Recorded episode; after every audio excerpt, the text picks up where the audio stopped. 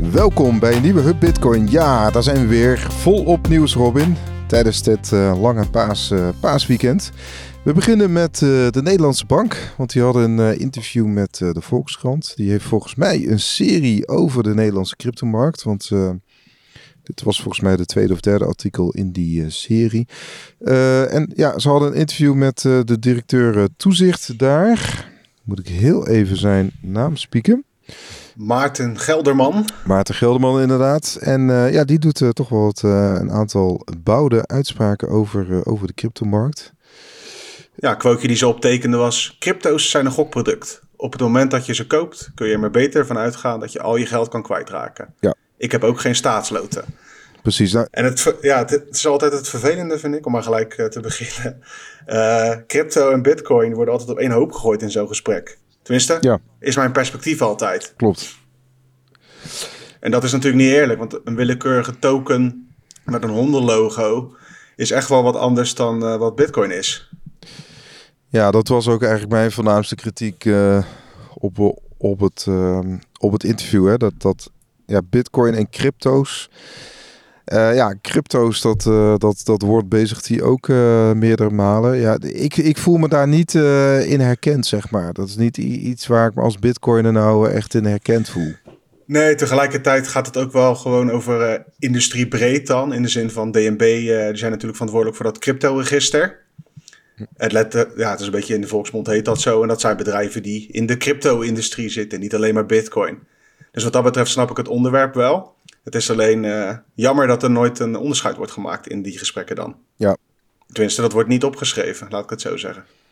Ja, want op zich, vanuit zijn, als we dan even misschien de, de, de neutrale, positieve kanten kunnen belichten, dan um, ja, vanuit zijn positie, hij is natuurlijk directeur toezicht bij de centrale bank. Nou, dat is, die zijn er eenmaal aangewezen als toezichthouder op de Nederlandse cryptomarkt. Hè? Dus elke aanbieder van cryptodiensten, dus eigenlijk elke aanbieder die euro's omwisselt in crypto's. Ja, die moet een registratie uh, aanvragen bij de DNB.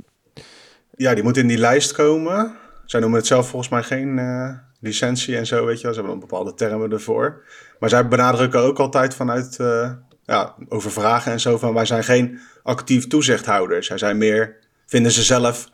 Zij interpreteren de wet, hoe die er nu voor staat... en die proberen ze dan te toetsen aan die partijen in die lijst... die dan diensten mogen aanbieden in Nederland. Ja. En dan leggen ze wel eens een boete op uh, aan Binance of Coinbase, weet je wel. Maar Coinbase is ondertussen bijvoorbeeld ook door die keuring gekomen. Terwijl ze jarenlang gewoon bijvoorbeeld uh, ideal-stortingen gewoon uh, faciliteerden. Klopt. En ik heb daar niet zoveel moeite mee.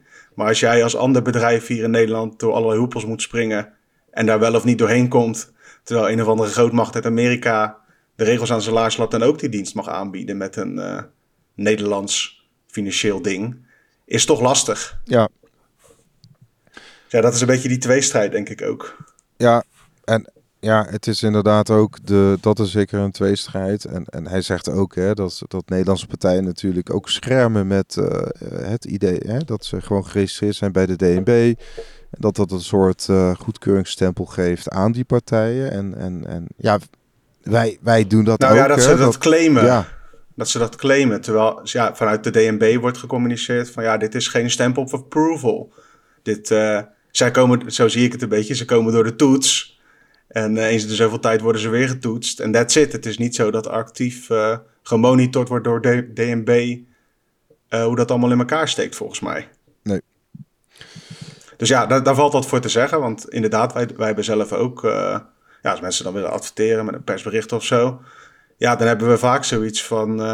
ja, op zijn minst in dat crypto-register. En daarna hebben we nog een aantal dingen die we erbij pakken voor onszelf. Beetje een gevoelsding. ja. Maar ja, dat, daar, daar herken ik me wel in. Ik kan me ook voorstellen dat dat in de marketing wel naar voren komt. Valt me niet echt op.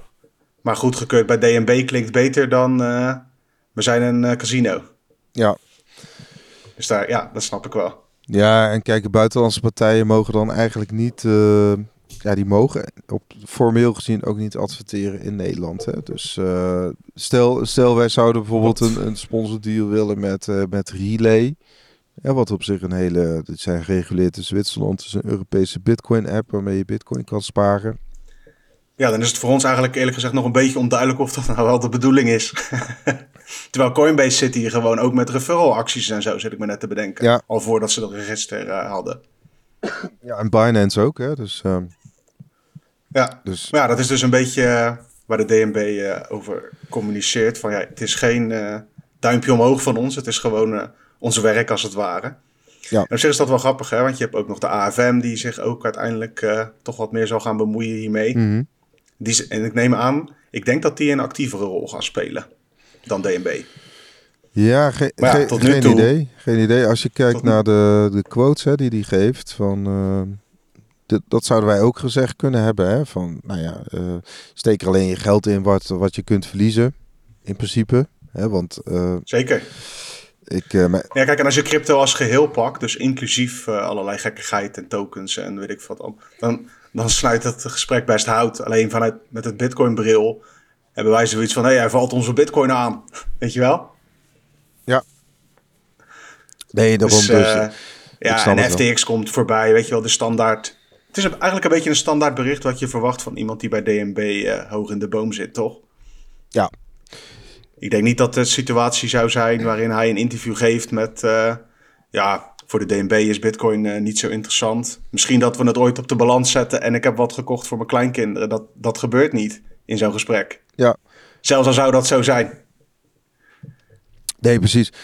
Nee, dus uh, nou wat me ook wel een beetje tegenvalt, is ik kreeg wel de indruk dat, en, en dat was ook wel kritiek, die bijvoorbeeld uh, Milan de Rede, volgens mij is die daar vertrokken, die, die gaf dat aan in een interview met Cryptocast, hè, dat er eigenlijk ook heel weinig kennis is over de cryptomarkt bij de DNB. En dat is ook wel een veel gehoorde klacht uh, van de cryptobranche zelf in Nederland. En dat, dat viel me ook tegen. Er werd een beetje laconiek over gedaan. Over wallets en wallets uitproberen. En uh, ik koop er ook geen ja. staatsloten. En dat, dat viel me dan wel een beetje tegen. Maar goed, aan de andere kant. Wat... Ja, ik verwacht eigenlijk niks anders, zeg maar. Nee, oké. Okay. Nu je dat zegt over uh, hoe dat intern bij de DNB zou gaan en zo. Van, uh, zoals zo'n uh, WOP-verzoek geweest met een paar vragen van ons in de e-mail. Dat ging geloof ik, ik weet niet meer precies waar het over ging, over beleid. En daar werd er onderling ook via e-mail dan weer over overlegd, zeg maar. Er was niet een duidelijke lijn al, zo al een tijdje geleden. Mm -hmm. Maar ja, ik kan me voorstellen dat het daar niet blaakt van de, van de bitcoin of crypto kennis. Want Nee. ja, als je, ja, als je een beetje ondernemend in elkaar zit in het bitcoin wereldje, dan zit je niet bij de DNB, laat ik het zo zeggen. Het is ook een bepaalde rol die bij, bij bepaalde mensen horen wat dat betreft. Uh, Ja. En dat is wel lastig, hè, toch? Kijk, wij hebben er dan uh, indirect mee te maken omdat we uh, naar het Bitcoin-wereldje kijken, als het ware.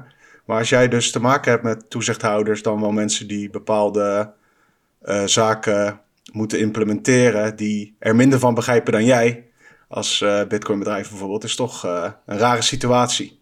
Ja. Dus ja, dat, uh, dat wordt een, een schouwspel, denk ik. Dat blijft nog wel eventjes. Ja, nou ja, kijk, we kunnen ook eventjes uh, inzoomen op wat, uh, wat de kosten zijn, hè, natuurlijk, van zo'n uh, van, van het toezicht. En dat loopt echt al in de e favoriet onderwerp enkele tonnen per jaar. En, um, en, en nou goed, daar, daar, daar, daar klaagde hij. Ja, per partij, hè? Ja, per partij inderdaad. En hij klaagde dan weer dat, dat al die, de, in zijn ogen, die cryptobedrijven niet uh, de volledige 100% uh, transparantie gaven in, in hun boeken. Ja. Dan vraag ik me ook af of dat, heel, uh, of dat nou heel erg standaard is hoor. Ik, ik kan me niet voorstellen dat een gemiddelde bank of trustkantoor dat ook doet. Maar, ja, dat weet ik eigenlijk niet. In de zin van, natuurlijk nee. moet je wel je, je, auditing, uh, je auditingcijfers overleggen, et cetera. Ja, daar kwam ook een quoteje voorbij. Dat vond ik een van de eigenlijk de kwalijkste. Een soort van zeuren over uh, dat er partijen zijn die naar de rechter stappen om hun, oh, ja. Ja, ja, ja. om hun, eigenlijk hun rechten te verdedigen zoals het hoort. Oh, ja. We hebben natuurlijk het voorbeeld van uh, Betonic die bepaalde eisen die de DNB stelde te streng vond. En dat bleek ook te kloppen dat dat niet in lijn was met de richtlijnen die ze moeten volgen, de WWFT dingen en zo. Nou, dus daar, daar heeft Betonic uh, gewoon gelijk in gekregen. En dan komt in zo'n interview voorbij van... Uh, ja, het is ook wel moeilijk uh, dat die partijen zich dan verweren via de rechtbank. En dan denk, ik, dan denk ik van ja, maar dat is toch juist de bedoeling, zeker in een... Ja, de bedoeling. Als, als dat ook al onwenselijk gedrag is, dan denk ik van ja, hoe moet een opkomende industrie zich dan verweren tegen een partij die op een bepaalde manier toezicht houdt, wat niet per se hout snijdt? Ja. Het is, het is gewoon grondrecht om voor je recht op te komen. Dus hij moet, daar, hij, ja, ook hij als je die visie gewoon zijn mond overhouden, wat mij betreft. Want het is ook helemaal niet zijn positie om, om daar iets over te roepen, vind ik. Nou ja, eens. Dus daar heeft hij helemaal niks over te zeggen. Maar goed. Nee, wat, en dat, dat is wel een beetje het, het ding, hè. Van, dat komt ook omdat je al wat jaartjes in dat Bitcoin-wereldje denk ik een beetje besmet raakt. Van, hoezo ben jij degene die er dan wat over moet zeggen? Van hoe iemand zijn bedrijfsvoering doet en dus zichzelf verweert. Weet je wel? Ja. Dat is een hele rare dat is niet rol, rol die je dan of positie inderdaad die hij, uh, die hij heeft. Nou ja, goed. Kijk, we roepen allemaal wel een keertje wat. En, uh... Oh ja, kijk, het is ook maar net uh, ook hoe de vraag wordt gesteld in zo'n geschreven interview en zo. Dat weet ik allemaal wel. Maar je kunt het ook op een andere manier verwoorden natuurlijk. Van, we hebben te maken gehad met rechtszaken, omdat we zelf ook steken hebben laten vallen, bijvoorbeeld. Ja. Maar goed, dat is misschien ook weer geen goede PR. Is ook zo. Hij wil, ja, ik snap ook wel dat hij, uh, dat hij niet wil oproepen tot rechtszaken. Maar, nee, uh, is ook zo. Ja. Nou, in een ander Europees land, uh, het is geen onderdeel van de Europese Unie, maar toch, het ligt in Europa, Zwitserland. Daar, mm. daar, daar waait een hele andere wind. Zo lijkt ja, het over, in ieder geval. Je zegt wel eens over, je zegt wel eens wat gesproken. Want laten we ook niet, het is niet zo dat Zwitserland, oh het nieuwtje is trouwens dat ja. een, de vicepresident van de Swiss National Bank, Martin Schiegel. Een uh, Bitcoin en Schiegel, whatever. Een hele interessant uh, concept vindt. Zeemeeuw. Ja. Ah, die namen. Ja. Maar in ieder geval, Bitcoin. Uh, hij ziet Bitcoin als interessant concept. Mm -hmm. Dat is in ieder geval het quoteje wat wordt opgetekend. Ja, dat is een ander geluid, laten we het zo zeggen. Wederom, het is gewoon een gesprek en een interview, bij wijze van spreken. Het is niet beleid wat ineens door de Zwitserse Centrale Bank wordt gevoerd. Van hé, hey, nee. Bitcoin op de balans zetten. Hij moest ook een... Maar dit is een beetje als tegenwicht tegen de Nederlandse bank wat daar naar buiten komt. Ja, hij moest ook een zin afmaken. Hè? Dus uh, de, de presentator zei van uh, ik zie Bitcoin als. En hij zei ja. interessant. ja, nou tot zover. Maar het is, het is weer om aan te geven van... Uh, er zijn verschillende sausjes die je kunt vinden als je het internet heel de week afstruint voor Bitcoin nieuws zoals wij. Ja, er was ook een Zwitserse overheidsbank, hè, Post Finance. 2,5 miljoen klanten in, het, uh, in dat bergstaatje. En uh, die bergstaat. En uh, nou ja, goed, interessant. Nou ja, het Zwitserland is denk ik... Denk, besteedbaar inkomen zal denk ik gemiddeld wel iets hoger liggen dan in Nederland. Tenminste, dat, dat is een beetje even een aanname. Je hebt ook verschillende... Ik, daarmee wil ik zeggen, nou ja goed, ze hebben misschien ook wel iets meer geld over om, om te beleggen. En ze... Ja, dus sowieso die dat geschiedenis van uh, Zwitserland is natuurlijk wel... Ja, dat soort zaken. En als je zeg maar een uh, fake history moet schrijven over het eerste land in Europa dat bitcoin adopteert, dan zou Zwitserland een reëel scenario zijn, weet je wel? Ja. om, uh, om te pakken. Dat, dat, is op dit moment niet aan de hand, maar is, ja, dat zou logischer zijn dan, dan Frankrijk of zo, of Nederland. Ja, en, helaas. In, steden zoals Zoek en volgens mij zoeken sowieso wel je belasting ook betalen in bitcoin, als je dat wil. Ja, is een beetje dat 1 2 met Tether, hè? Oh nee, dat is weer een andere. Nee, dat is Lugano. Ja, ja, ja. nog meer kleine dorpjes daar. ja. Nou ja, dat is meer richting uh, de Italiaanse grens, hè. Dus die, die, die, uh, oh, ja. die CTO van Tether is ook volgens mij een Italiaan. Dus, dat is een... dus vanuit Zwitserland hebben we zo nu en dan is klein bitcoin nieuws. Ja. En op zich is dat wel, wel leuk. Nou ja, dat, dat, dat, uh, dat, doet, de, dat doet de burger goed. Hè? Uh, dat, dat in ieder geval ook in Europa zijn er gewoon wel landen waar, uh, waar je best wel een hoge adoptiegraad hebt. En zelfs als je puur kijkt naar de fiscaal belastingen. zelfs in Nederland, maar ook Duitsland, Portugal, is, het, is, het, is het op dit moment nog redelijk gunstig. In de zin, je hoeft er ja. niet, niet al te veel belasting te betalen. Maar net het vraagt. Dus, maar goed, dat, misschien dat dat in de toekomst wel gaat veranderen wat dat betreft. Maar, We hadden een nieuwtje over fruit, over Apple. Oh ja. Ja. Dat is wel een leuke. Daar blijkt dus vanaf de, een update uit 2018 een PDF-kopie van de Bitcoin whitepaper verstopt te zitten. Mhm. Dat meldde een, eh, de voormalige CTO. Andy Bayo. Goeie naam.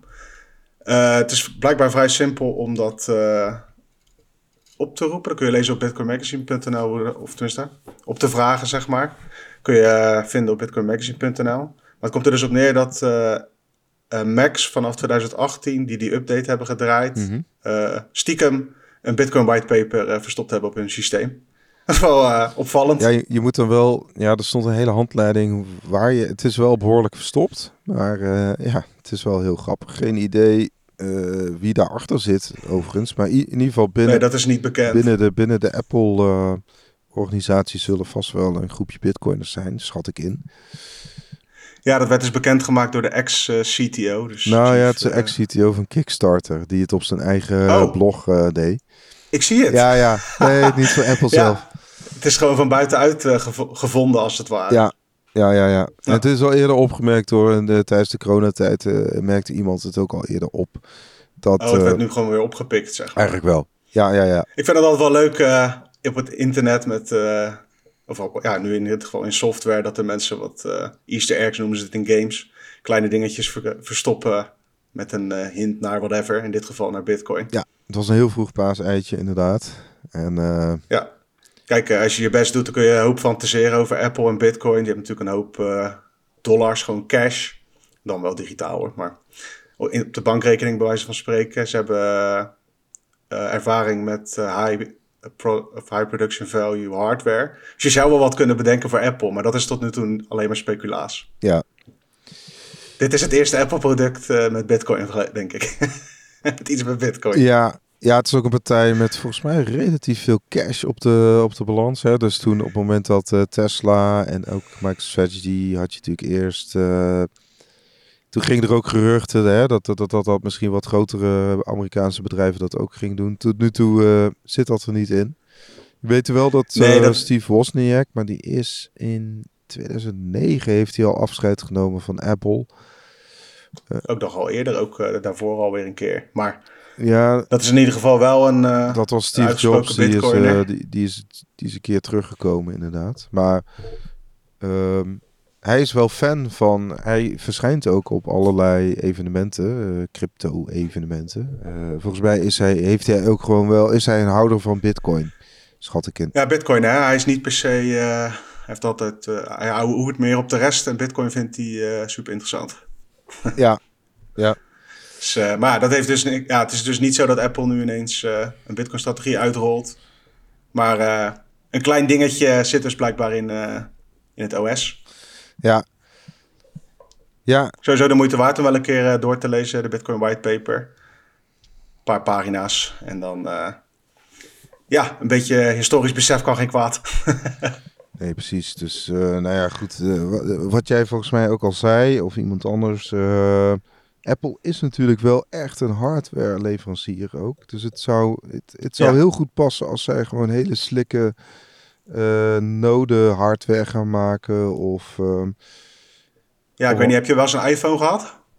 ja, heel vroeger. Heel vroeger. Eh, de iPhone 3. Die, die, eh, die store van hun en zo, die is altijd heel moeilijk met bepaalde soorten apps en zo. Dus eh, kijk, je kan daar allerlei games uitbrengen om Ja. eh, kinderen hun geld af te troggelen. Maar als je iets met bitcoin doet, moet je wel je best doen om er dan eh, op te blijven. Dus zij hebben niet per se de geschiedenis van, eh, we gaan dat eens allemaal eventjes lekker ondersteunen of zo. Nee, qua software zijn ze best wel. Het is natuurlijk een gesloten systeem. Dus eh, dat, dat, dat, Ja. dat, dat, Dus ik- ja. Dus al, Kijk, ik zie het zo voor me hoor. Gewoon zo'n zo'n wit boxje met een eh, lightning node kant en klaar in, de, in de Apple stores. Maar ik zie dat niet zo snel gebeuren. Dan zijn, we, dan zijn we wel weer een aantal adoptiefasen verder, inderdaad. Dus, eh, Ja, die zouden, als, ze daar al, als ze dat al van plan zijn, dan is dat interessant als die afzetmarkt ook veel groter is natuurlijk. ja, Die doen het niet voor eh, een paar procent van een x aantal landen. nee, precies. Nou, in ieder geval een bedrijf wat wel zover is, is MicroStrategy. Ze hebben eh, afgelopen eh, week ook weer bij, eh, bij eh, gekocht. En, eh, en een paar weken geleden ook al. Dus het, ja, ze blijven aan de gang. In totaal ze 140.000. 140.000 bitcoin. Ja, dat is echt Ja. enorm dat is lekker- veel. lekker dat is aantal. echt enorm veel. Dat is, eh, Dus eh, net onder de 30.000 eh, dollar eh, gemiddelde aankoopprijs, begreep ik. Dus eh, daar zitten ze ook nu in de buurt. Wat vind je er eigenlijk van dat die gasten zoveel bitcoin opslokken? Ja, wat vind ik daarvan? Um, ik heb daar wat dat betreft niet een hele sterke mening over. Ze mogen het doen, toch? Ja, eens. Ik eh, heb daar ook geen uh, moeite mee. Het is alleen uh, dat je je afvraagt van hoe slaan ze dit in godsnaam veilig op? Waar is dat? En ben je dan alsnog niet, als je dat niet zelf doet, dan ben je alsnog het, een target voor bijvoorbeeld de Amerikaanse overheid, mocht dat ooit nodig zijn, bij wijze van spreken. Ja, Volgens mij maken dus ze gebruik van Coinbase Prime om het te kopen en Coinbase Custody om het op te slaan. En Coinbase Custody is, uh, daar, ligt, daar ligt die technologie van Xapo onder. Dacht ik. Oké, ja, ik heb ook wel eens begrepen dat ze ook in-house het een en ander wilden gaan doen. Want ze zijn natuurlijk vanuit van zichzelf ook een business intelligence software bedrijf. Ja. ja. Daar halen ze hun omzet uit. Naast de Bitcoin hype. Nou ja, dat, dat dus, ja, misschien ja, zou kunnen. Het, ik, ik weet niet of, uh, of dat nou verstandig is om dat uh, in de house uh, te gaan opslaan. Maar... Nou, hij heeft dus ook wel echt. dus niet alleen maar cashgeld wat ze erin hebben gestopt van eigen omzet en zo. Er zit ook een hele hoop geleend geld op allerlei manieren in. Met obligaties of gewoon echt leningen met onderpand in Bitcoin bijvoorbeeld, om maar wat te noemen, waar ze dan weer Bitcoin van kopen. dus het, ja, er wordt wel echt ingezet op een toekomst met uh, Bitcoin die in ieder geval een dollarwaarde meer waard is dan nu. Laat ik het zo zeggen. Ja, ze nemen natuurlijk ook wel best wel wat risico. In ieder geval risico wat een normaal bedrijf niet wil nemen. Dus uh, inderdaad, wat je, het aan, het, wat je zegt, het, het uitgeven van aandelen, obligaties, om maar zoveel mogelijk bitcoin te kopen. Ja, wat die Michael Saylor altijd benoemt is van... Uh, ja, het is ook gewoon een goede businessstrategie geweest. Want, en dan noemt hij allerlei dingen op, weet je wel. Het aandeel uh, presteert uiteindelijk ook nog wel goed enzovoorts. Mm en dat kan ook een beetje de strategie geweest zijn. Hè? Want het is gewoon eigenlijk al in op bitcoin. Maar dat maakt ze ook een van de... Of eigenlijk het enige bedrijf dat op deze manier werkt... waarvan je gewoon aandelen kan kopen op zo'n beurs, weet je wel? Ja. Dus er zit, het is niet zo dat, hij dit even, dat dit even voor de lol gedaan is. Er zit wel ook echt... Een beetje net als El Salvador van er zit wel ook echt een uh, marketing ding achter. Voor het merk MicroStrategy dan wel Michael Saylor. Nee, het heeft, hem, het heeft hem geen windeieren gelegd. Want inderdaad, zijn bedrijf is ook gewoon uh, ja, behoorlijk meer waard geworden op de beurs. Sinds hij uh, in augustus 2020 is gaan kopen. Het, het is in ieder geval een uh, gigantisch Bitcoin fortuin. En ja, wat ik zeg, ik ben benieuwd hoe die security speel in elkaar zit. Ja, wie weet horen we ooit Denk je dat de Sailor ooit uh, de politiek in gaat of niet? Uh, nee. En als dat wel zo is, dan als het Amerikaanse politiek is, niet een of andere dwergstaat die die opkoopt, dan uh, hoe heet dat, denk ik dat dat landschap politiek heel erg veranderd moet zijn. Ik zie hem niet uh, à la Trump een van die twee partijen overnemen of zo, toch? Nee, precies, precies, precies. Oké. Maar wel, uh, ze zullen ongetwijfeld uh, lobbygeld betalen her en der. Ja. Dat, uh, dat is een betere hobby voor een Amerikaanse miljardair, denk ik, dan president willen worden. Maar kan aan mij liggen. Ja. Hey, we hadden nog een andere grote vis waar we het over wilden hebben. Dat is Binance. mm, daar is hij weer.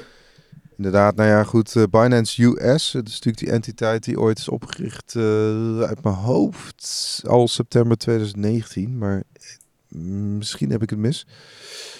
Ja, dat is een beetje het idee van, uh, stel dat ze Binance Nederland hebben, dan registreren ze die bij, bij de DNB, weet je wel, bij het cryptoregister, en dan kunnen ze vanuit daar bepaalde diensten aanbieden in, in Nederland, maar nu is dat in Amerika. En daar hebben ze flinke problemen met bankdiensten. Ze maakten onder andere gebruik van eh, Signature Bank en Silvergate Bank. Nou, die zijn allebei uh, overgenomen door de Amerikaanse staat omdat ze liquiditeitsproblemen hadden enzovoorts. Mm En ja, door gewoon het hele sentiment rondom uh, de industrie en door die beurs specifiek, een hele hoop rechtszaken van toezichthouders en particulieren, uh, hebben ze moeite met bankpartners vinden. Om bijvoorbeeld fiat on- en off-ramps te faciliteren. Ja. Nou, als er iets, als er iets killing is in de wereld van, uh, van Bitcoin, is het wel dat je niet even makkelijk uh, kunt switchen van, uh, van valuta ook als voor handelaren en zo, weet je wel? Ja. Dus dat is wel een dingetje. Ja, de tijd zit ook niet mee, want je hebt natuurlijk Silvergate en Sant, weet het, um, diverse banken gehad die, uh, die gewoon uh, in de problemen zijn gekomen. En uh, heel veel lijntjes naar de cryptowereld zijn natuurlijk de, BTC, USD handelspaar. Daarvan is liquiditeit behoorlijk opgedroogd. En ja, dit, en dan heb je die hele chokepoint 2.0 operatie van, van de Amerikaanse overheid, die, die ook niet helpt. Hè? Dus een, zeg maar de gemiddelde bank die zal, ja, die wil zijn vingers nu niet branden aan crypto. Dat, dat is gewoon wel. Nee, zeker niet uh, de allergrootste partij die op allerlei manieren onder vuur ligt. Weet je wel, er is gewoon. Uh, je hebt nu een situatie dat zo'n hele industrie denkt van. Uh, is mij het risico niet waard? Nee, en bang, banken zijn het, nog risicomijdend. Ja, ja, want kijk, dit is geen ethische beslissing, hè? Als JP Morgan zonder gezeur weet ik het, hoeveel miljard extra volume kan, uh, kan genereren en weet ik het, allemaal fees kan pakken op van alles en nog wat via Binance, dan zouden ze dat wel doen. Ja. Maar er zit gewoon een hele lading aan uh, problemen aan vast. Nee, klopt. Dus dat. uh, ja. Een of andere drugskartel of weet ik veel wat, die kunnen ook altijd aan een bankrekening komen. Dus. weet je wel? Nee, klopt. Dat, dus dat, dat, dat helpt niet. En ja, ik denk dat ja, ja, hoort er ook bij. Kijk, dit is, dit is Binance, ja, Binance en Amerika helemaal niet meespeelt. Uh, water en vuur op dit moment. Ja, want het gaat nu dan over Binance US. Maar er zijn, het, er zijn nu onderzoeken tussen, van de geldstromen van het hoofdplatform, dus Binance.com, met Binance US. Ja, als daar hele duidelijke lijntjes gelegd kunnen worden tussen de CEO en allerlei andere zaken, dan uh, kan ik me niet voorstellen dat grote banken zich hier aan wagen. En dan moet je van die challenger banks hebben. Maar ja, die hebben het nou heel lastig.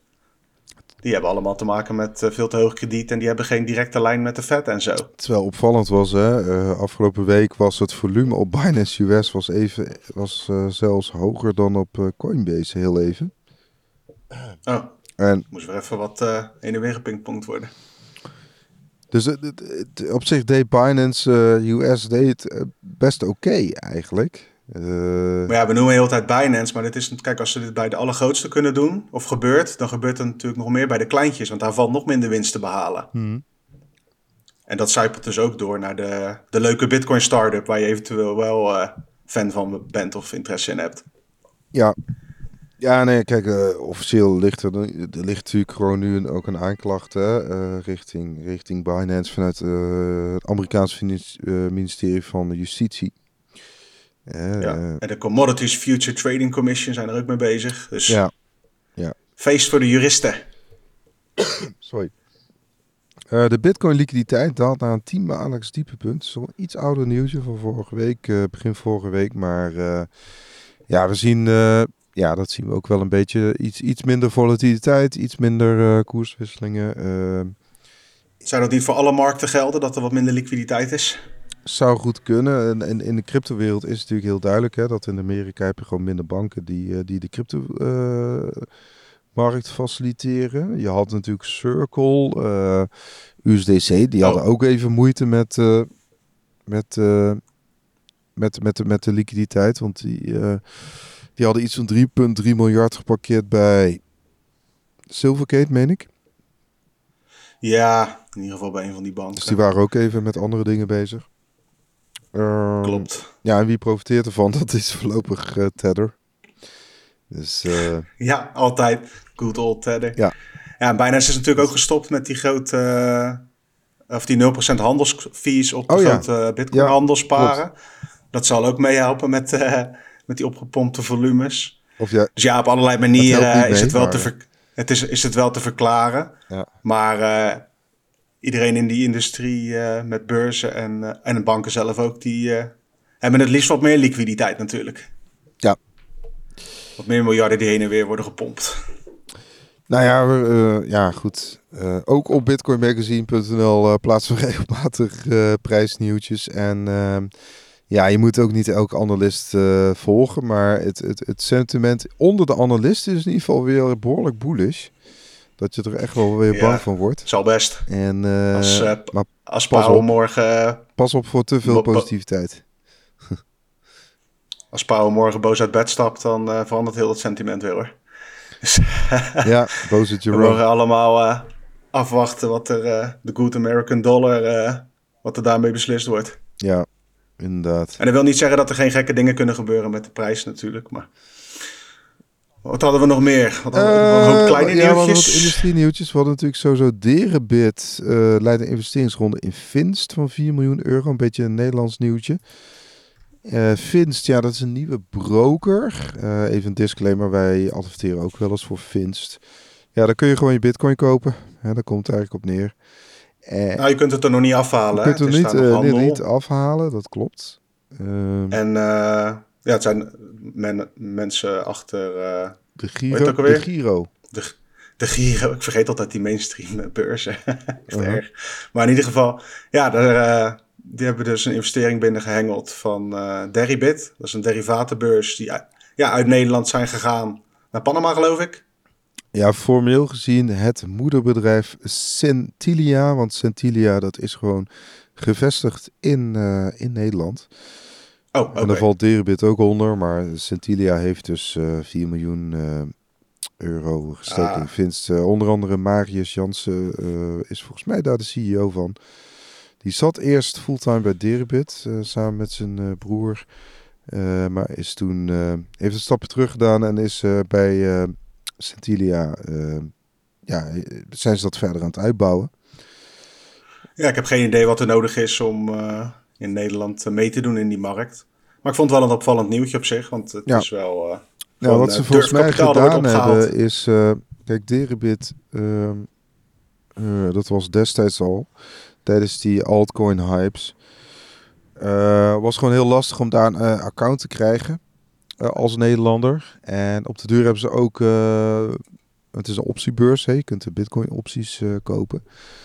En, eh, eh, maar goed, zij, zij zijn ook door het DNB-regime zeg maar gevlucht naar Panama. Inmiddels zitten ze in eh, Dubai. Eh, maar ik, ik begrijp dat Centilia is eigenlijk meer een soort investeringsvehikel eh wat daarboven hangt. Eh, en dat is wel gevestigd in Nederland. Dus die mogen wel gewoon hun euro's investeren in, eh, in bedrijven in Nederland. Alright. Dus, nou, eh, misschien eh, horen we daar nog wel meer over dan.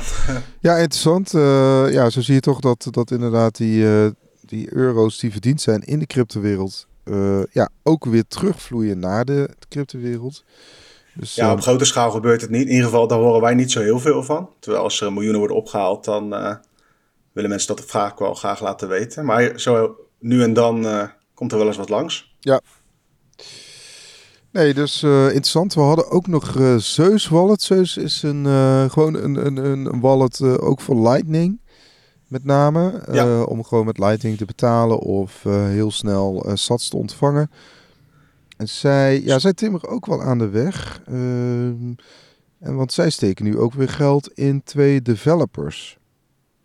Ja, je moet het dan zo zien. Dat zijn gewoon open premies. Ja, Op de GitHub staan die gemeld Ja. voor handige, de handige bitcoiners onder ons die eh, iets met de code kunnen. Eh, ze hebben nu bijvoorbeeld twee zaken openstaan. eh eentje voor 4 miljoen sats voor Core Lightning, om daarmee aan de slag te gaan met meer verbindingen. En Point of Sale, ja, dat gaat dan over een API en dan een Clover integratie. Ik weet niet precies wat dat betekent, maar daar worden dan anderhalf miljoen sats voor als beloning apart gezet. Het is niet per se een grote beloning, maar dit zijn van die eh, projecten die dan eh, toch afhankelijk zijn van hulp van buitenaf. En op deze manier eh, vragen ze daarom. Dus mocht je daar iets mee kunnen of willen, kun je op GitHub naar Zeus Wallet zoeken. En dan kun je kijken wat er open staat op dit moment. Ja. Dus dat. Ja, het gaat om twee, bound, eh, twee premies, bounties. van eentje van 4 miljoen sats en eentje van 1,5 miljoen sats. Dus dat is in totaal eh 0,05,5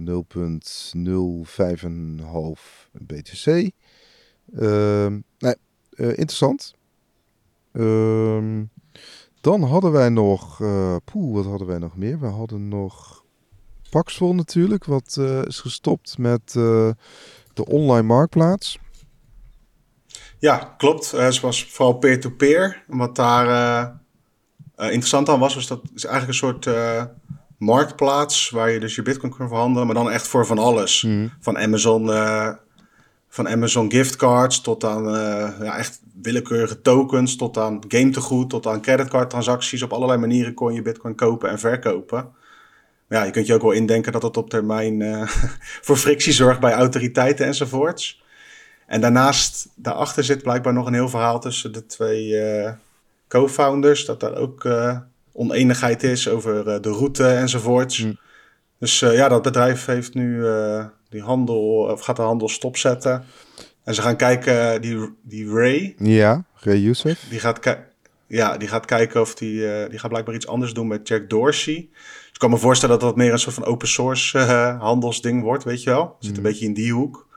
Maar dat Paxvol, uh, die Paxvol, dat Paxvol gedoe is wel interessant. Want die afzetmarkt was ook wel vooral in uh, opkomende markten, zoals ze dan noemen. Waar je niet uh, gereguleerde beurzen hebt, waar het allemaal makkelijk gaat en zo. maar daar kunnen mensen nu ook niet allemaal hun geld meer opnemen. Oké. Dus er zit nou ook een, ja, een situatie achter dat Paxvol als bedrijf en die mensen daarachter ook aan die kant rechtszaken kunnen verwachten van hé, hey, waar is mijn geld? die Ray Youssef geeft dan aan van... joh, ik wil het uit mijn eigen zak betalen enzovoorts. Maar ja, dat speelt dus ook nog.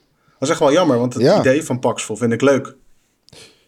Nee, precies. Het, was uh, nuttig. Ja, het was altijd heel. Uh, tenminste, ja, ik heb zelf. Maar het was altijd. Het idee is heel laagdrempelig. Hè? Dus dat je ook. Uh, en ook voor, voor, voor, voor mensen gewoon bijvoorbeeld in Afrika. Ze konden hun Bitcoin bijvoorbeeld ook ontvangen via giftcards. Of het was allemaal vrij ja, laagdrempelig spul waar mensen ook wel veel aan hadden.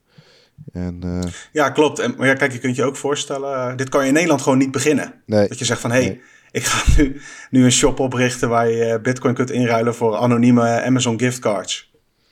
Nee. Dus ja, het was een kwestie van tijd voordat daar druk op kwam te staan. In combinatie met, denk ik, een hele hoop andere zaken moeten Paxful specifiek in ieder geval stoppen hiermee is zonde. Ja, jammer, jammer. Maar Paxful zelf gaat wel door, overigens. Ze hebben... Ja, ook, kwestie van tijd. Ze hebben ook gewoon uh, een wallet. En, uh, maar goed, ja, op dit moment kun je er misschien uh, veel minder mee. Dat, dat is ook wel weer zo. Dus, ehm, nou ja, um, wat dat betreft jammer. Um, ik had ook nog een laatste nieuwtje over die marathon. Die hadden op zich ook wel weer behoorlijk wat bitcoin gemined. Uh, en die hebben nu, dat vond ik wel opvallend, die hebben ook gewoon 11.000 bitcoin in kas. Dat vond ik op zich nog best wel een aardig aantal. Ja, want Marathon is een miner, toch? Ja, Marathon Digital Holdings. ze hadden een heel goed eerste kwartaal achter de rug.